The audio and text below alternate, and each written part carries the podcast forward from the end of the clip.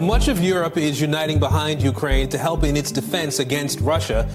Spänningarna mellan Europa och Ryssland är extremt höga. Krigsdrabbade Ukraina får stöd och hjälp av sina grannar västerut och flyktingarna tas emot med öppna armar. 5 000 hjälmar, 5 000 kroppsskydd och 5 000 pansar, pansarskott. Men att västvärlden ser Ukraina som en självklar del av Europa är någonting ganska nytt. På en kvart får du veta hur kriget i Ukraina är på väg att ändra vår uppfattning om vilka som får höra till väst och vilka som är öst.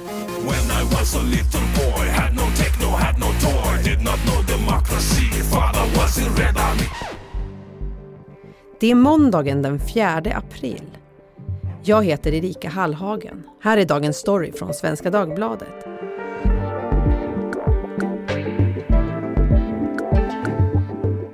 Imi Simon Savall, biträdande redaktör på SVDs Understrecket och Andres Lokko, kulturskribent på Svenska Dagbladet. Ni är båda andra generations invandrare från östeuropeiska länder, Polen och Estland.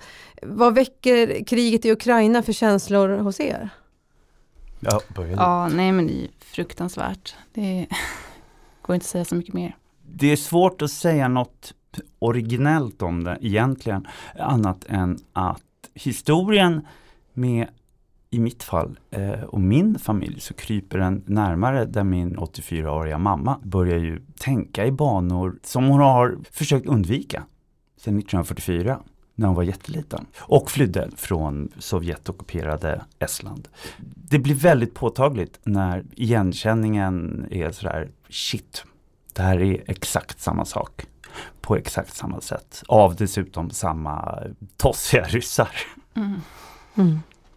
Att västvärlden nu går samman för att stötta Ukraina på olika sätt, det, är någonting ovanligt, Emi?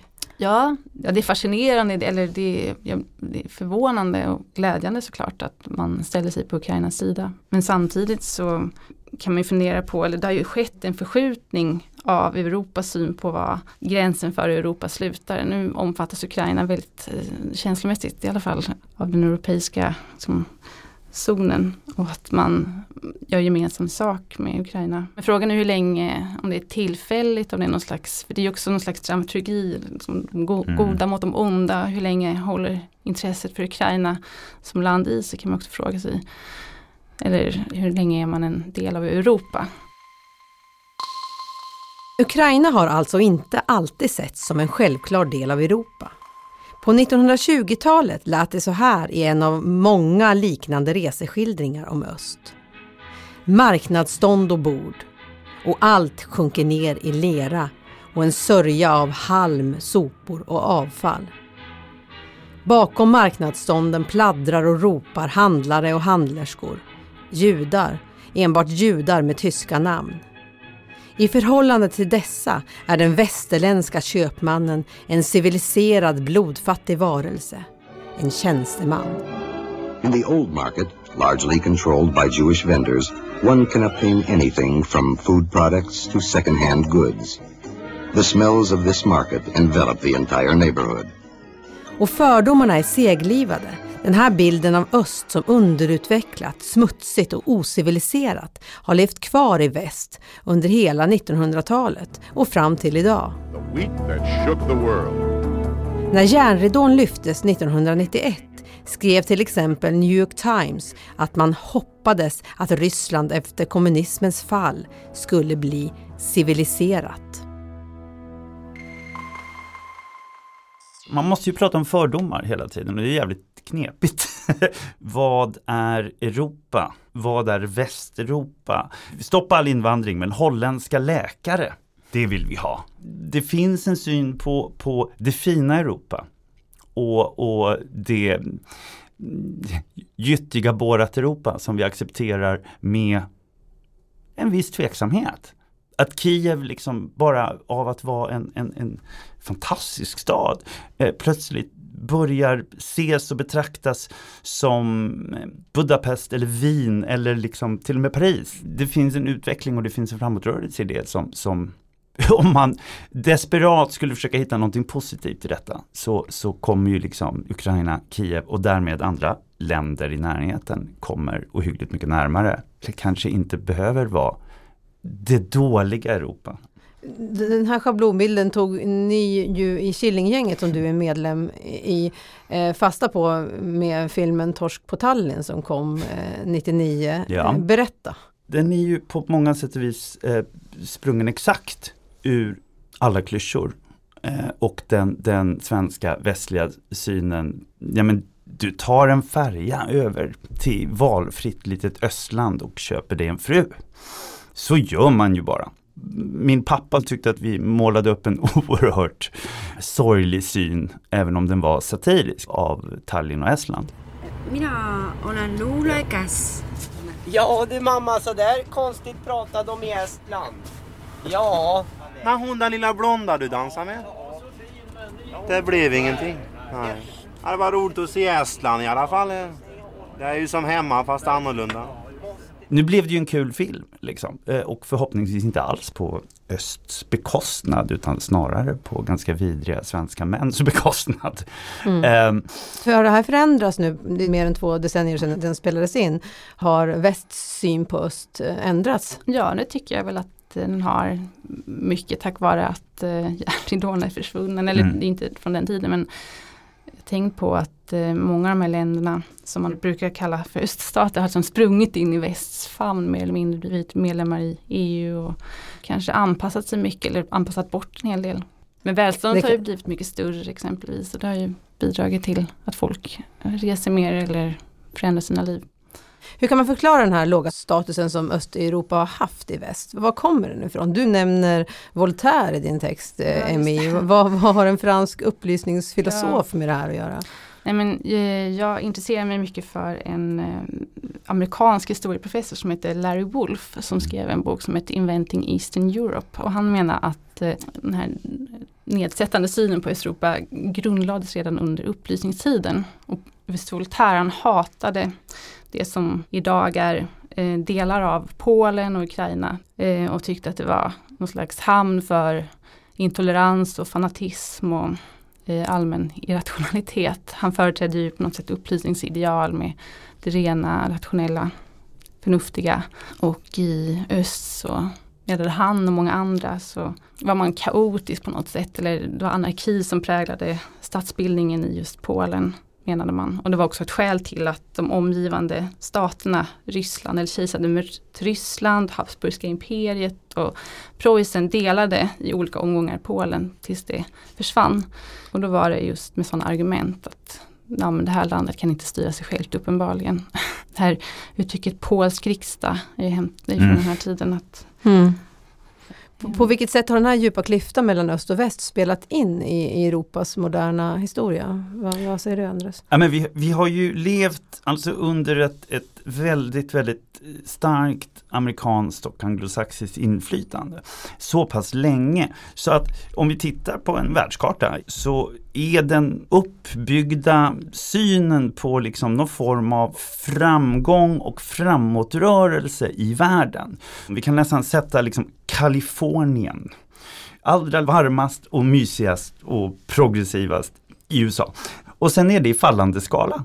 Alltså, så går du österut och så har du liksom Norge, mm, ändå rikt och trevligt och så har du Storbritannien och Frankrike. Och sen går det liksom i fallande skala både ekonomiskt och utvecklingsmässigt och mycket av det här är ju, är ju jag ska inte kalla det för, för någon form av propaganda men det är en form av indoktrinering som vi inte kommer ifrån.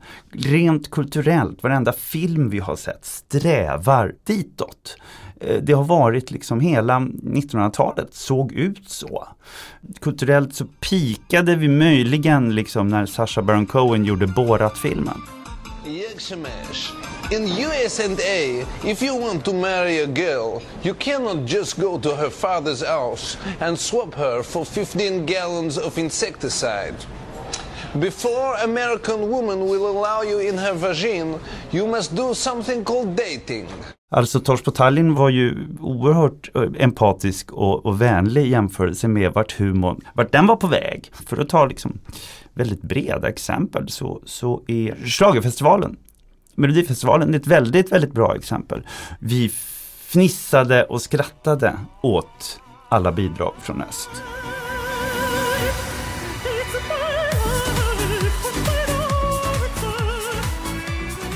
Alltså det var kitschkarneval. Man kan hävda att det fortfarande är så ganska ofta. Men det finns en respekt, det finns en empati och det finns en förståelse för det som är helt annorlunda mot vad den var för 10 år sedan, 20 år sedan, för att inte tala om 30 år sedan. Finns det några mer popkulturella exempel som man kan ta upp? Nej men alltså på film så är ju the bad guys är ju ryssar och östeuropeer. Det, det är Peter Stormare och Stellan Skarsgård som än en gång ska ställa sig och ha en diffus östeuropeisk eh, dialekt och störta friheten och demokratin.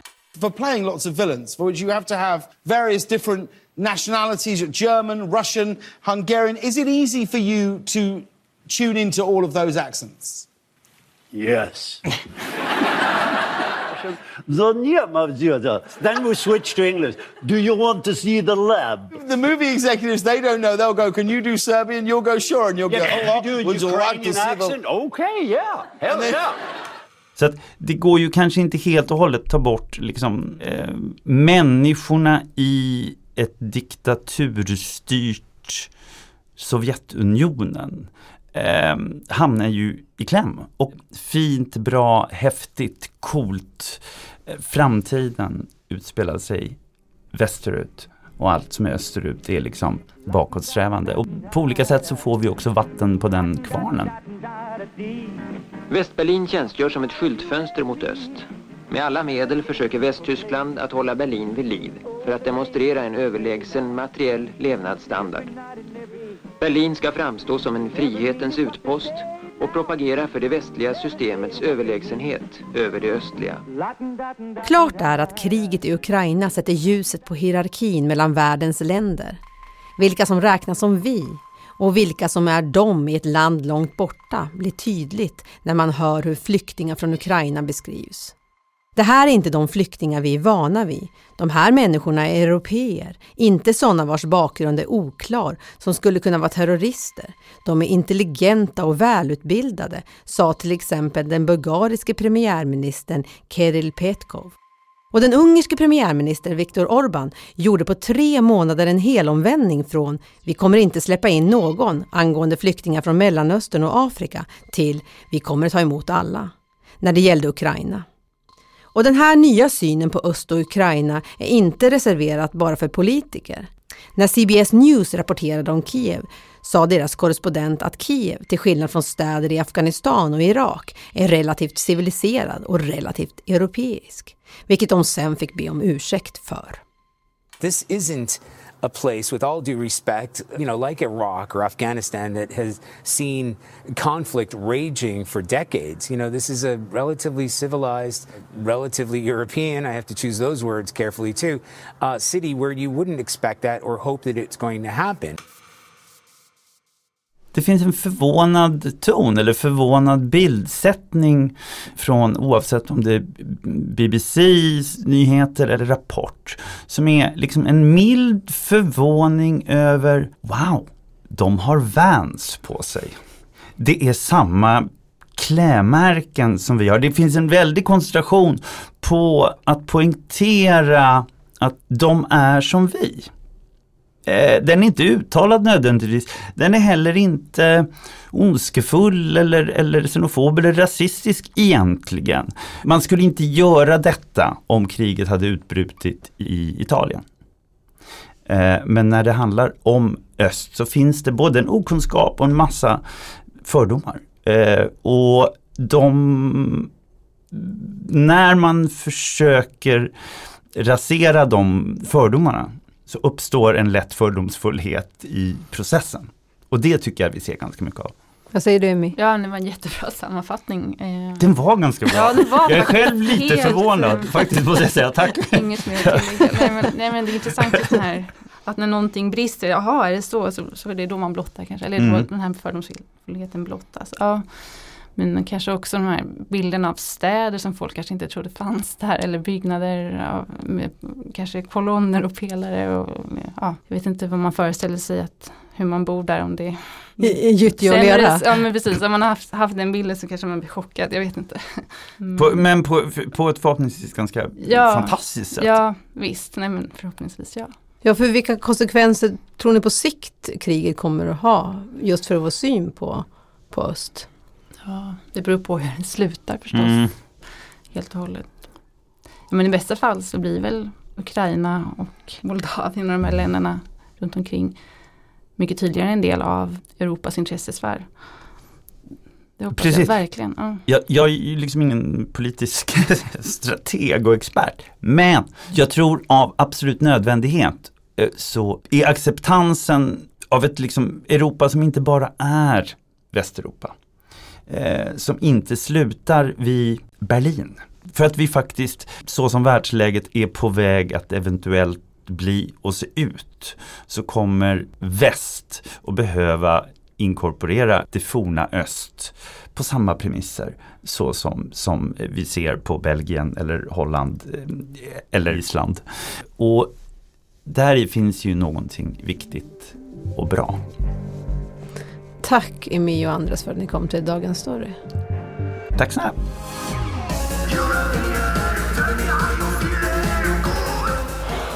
Vi som har gjort programmet idag är producent Kajsa Linderoth, redaktör Teresa Stenler von Matern och jag heter Erika Hallhagen.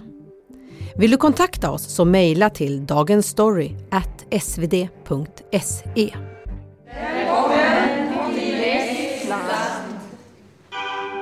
Ljudklippen är hämtade från NBC, The Daily Show, ABC, CBS, The Late Late Show Nummer nio har jag spanat in här. samt från filmerna Berlin delad stad, Borat, Torsk på Tallinn och Jewish Life in Lvov. Ja, det- jag sa nian där, jag har bestämt mig redan. Musiken var Adam Aston, Caesar It's My Life och DJ Trex, A Union of Peace and Love and Bass.